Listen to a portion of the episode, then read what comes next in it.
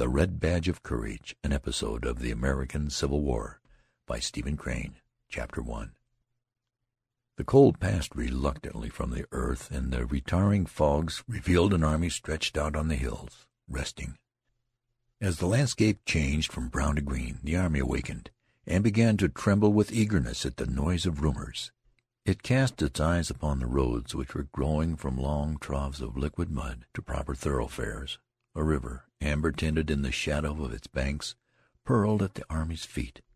And at night, when the stream had become of a sorrowful blackness, one could see across it the red eye-like gleam of hostile campfires set in the low brows of distant hills. Once a certain tall soldier developed virtues and went resolutely to wash his shirt. He came flying back from a brook, waving his garment banner-like. He was swelled with a tale he had heard from a reliable friend, who had heard it from a truthful cavalryman, who had heard it from his trustworthy brother, one of the orderlies at division headquarters. He adopted the important air of a herald in red and gold. "We're going to move to-morrow, sure," he said pompously to a group in the company street. "We're going way up the river, cut across, and come around behind 'em." To his attentive audience he drew a loud and elaborate plan of a very brilliant campaign. When he had finished, the blue-cloth men scattered into small arguing groups between the rows of squat brown huts. A negro teamster who had been dancing upon a cracker box with the hilarious encouragement of twoscore soldiers was deserted. He sat mournfully down. Smoke drifted lazily from a multitude of quaint chimneys. "It's a lie, that's all it is. Thunderin' lie," said another private loudly. His smooth face was flushed, and his hands were thrust sulkily into his trouser pockets. He took the matter as an affront to him. "I don't believe the derned old army's ever going to move. We're set. I got ready to move eight times in the last two weeks, and we ain't moved yet." The tall soldier felt called upon to defend the truth of a rumor he himself had introduced. He and the loud one came near to fighting over it. A corporal began to swear before the assemblage. He had just put a costly board floor in his house, he said. During the early spring he had refrained from adding extensively to the comfort of his environment because he had felt that the army might start on the march at any moment.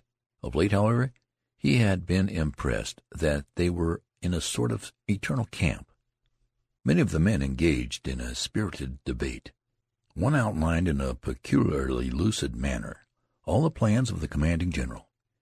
He was opposed by men who advocated that there were other plans of campaign. They clamored at each other, numbers making futile bids for the popular attention.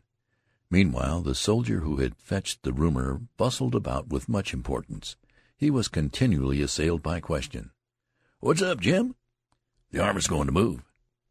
"Ah, what you talking about? How you know it is?" "Well, you can believe me or not, just as you like. I don't care a hang. There was much food for thought in the manner in which he replied. He came near to convincing them by disdaining to produce proofs. They grew much excited over it. There was a youthful private who listened with eager ears to the words of the tall soldier, and to the very comments of his comrades. After receiving a fill of discussions concerning marches and attacks, he went to his hut and crawled through an intricate hole that served as a door. He wished to be alone with some new thoughts that had lately come to him.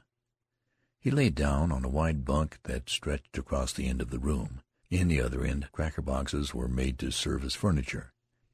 They were grouped about the fireplace. A picture from an illustrated weekly was on the log walls, and three rifles were paralleled on pegs. Equipment hung on handy projections, and some tin dishes lay upon a small pile of firewood. A folded tent was serving as a roof. The sunlight without, beating upon it, made it glow a light yellow shade. A small window shot an oblique square of white light upon the cluttered floor. The smoke from the fire at times neglected the clay chimney, and wreathed into the room, and this flimsy chimney of clay and sticks made endless threats to set ablaze the whole establishment. The youth was in a little trance of astonishment. So they were at last going to fight. On the morrow, perhaps, there would be a battle, and he would be in it. For a time he was obliged to labor to make himself believe. He could not accept with assurance an omen that he was about to mingle in one of those great affairs of the earth. He had, of course, dreamed of battles all his life, of vague and bloody conflicts that had thrilled him with their sweep and fire. In visions he had seen himself in many struggles. He had imagined peoples secure in the shadow of his eagle eyed prowess. But awake he had regarded battles as crimson blotches on the pages of the past. He had put them as things of the bygone with his thought images of heavy crowns and high castles. There was a portion of the world's history which he had regarded as the time of wars, but it, he thought, had been long gone over the horizon and had disappeared forever. From his home his youthful eyes had looked upon the war in his own country with distrust. It must be some sort of a play affair. He had long despaired of witnessing a Greek-like struggle. Such would be no more, he had said. Men were better and more timid. Secular and religious education had effaced the throat-grappling instinct, or else firm finance held in check the passions. He had burned several times to enlist. Tales of great movements shook the land. They might not be distinctly Homeric, but there seemed to be much glory in them. He had read of marches, sieges, conflicts, and he had longed to see it all. His busy mind had drawn him large pictures, extravagant in color, lurid with breathless deeds. But his mother had discouraged him. She had affected to look with some contempt on the quality of his war ardor and patriotism. She could calmly seat herself and with no apparent difficulty give him many hundreds of reasons why he was of vastly more importance on the farm than on the field of battle. She had had certain ways of expression that told him that her statements on the subject came from a deep conviction. Moreover, on her side was his belief that her ethical motive in the argument was impregnable. At last, however, he had made firm rebellion against this yellow light thrown upon the color of his ambitions. The newspaper, the gossips of the village, his own picturings, had aroused him to an uncheckable degree. They were, in truth, fighting finely down there. Almost every day the newspapers printed accounts of a decisive victory. One night as he lay in bed the winds had carried to him clangoring of the church bell as some enthusiast jerked the rope frantically to tell the twisted news of a great battle.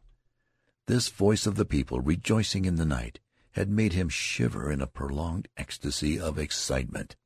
Later he had gone down to his mother's room and had spoken thus: "Ma, I'm going to enlist."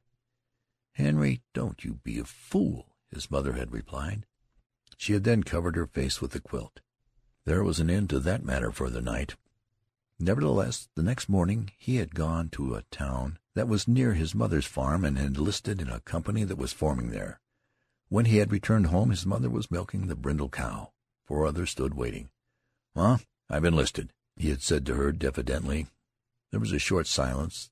"Lord's will be done, Henry," she had finally replied, and then continued to milk the brindle cow. When he had stood in the doorway with his soldier's clothes on his back and with the light of excitement and expectancy in his eyes almost defeating the glow of regret for the home-bounds, he had seen two tears leaving their trails on his mother's scarred cheeks. Still she had disappointed him by saying nothing whatever about returning with his shield or on it. He had privately primed himself for a beautiful scene. He had prepared certain sentences which he thought could be used with touching effect. But her words destroyed his plans. She had doggedly peeled potatoes and addressed him as follows: "You watch out, Henry, and take good care of yourself in this here fighting business. You watch out and take good care of yourself. Don't go thinking you can lick the whole rebel army at the start, because you can't. You're just one little feller amongst a whole lot of others, and you've got to keep quiet and do what they tell you. I know how you are, Henry. I knit you eight pair of socks, Henry, and I put in all your best shirts, because I want my boy to be just as warm and comfortable as anybody in the army. Whenever they get holes in 'em, I want you to send 'em right away back to me so's I can darn 'em. And always be careful and choose your company. There's lots of bad men in the army, Henry. The army makes 'em wild, and they like nothin' better than the job of leading off a young feller like you as ain't never been away from home much and has allus had a mother, and a learnin' 'em to drink and swear. Keep clear of them folks, Henry. I don't want yer to ever do anything, Henry, that you wouldn't be 'shamed to let me know about. Just think as if I was a watchin' you. If you keep that in your mind allus, I guess you'll come out about all right. You must allus remember your father, too, child, and remember he never drunk a drop of liquor in his life, and seldom swore a cross oath. I don't know what else to tell you, Henry, exceptin' that you must never do no shirking, child, on my account. If so be a time comes when ye have to be kilt or do a mean thing, why, Henry, don't think of anything 'cept what's right because there's many a woman has to bear up against such things these times, and the Lord'll take care of us all. Don't forget about the socks and the shirts, child, and I've put a cup of blackberry jam with your bundle because I know you like it above all things. Good-bye, Henry. Watch out and be a good boy." He had, of course, been impatient under the ordeal of this speech. It had not been quite what he expected, and he bore it with an air of irritation. He departed, feeling vague relief. Still, when he had looked back from the gate he had seen his mother kneeling among the potato peelings, her brown face upraised, stained with tears, and her spare form quivering. He bowed his head and went on, feeling suddenly ashamed of his purposes. From his home he had gone to the seminary to bid adieu to his many schoolmates. They had thronged about him with wonder and admiration. He had felt a gulf now between them and had swelled with calm pride. He and some of his fellows who had donned the blue were quite overwhelmed with privileges for all of one afternoon, and it had been a very delicious thing. They had strutted. A certain light-haired girl had made vivacious fun at his martial spirit, but there was another and darker girl whom he gazed at steadfastly, and he thought she grew demure and sad at sight of his blue and brass. As he had walked down the path between the rows of oaks, he had turned his head and detected her at a window, watching his departure. As he perceived her, she had immediately begun to stare up through the high tree branches at the sky. He had seen a good deal of flurry and haste in her movements as she changed her attitude. He often thought of it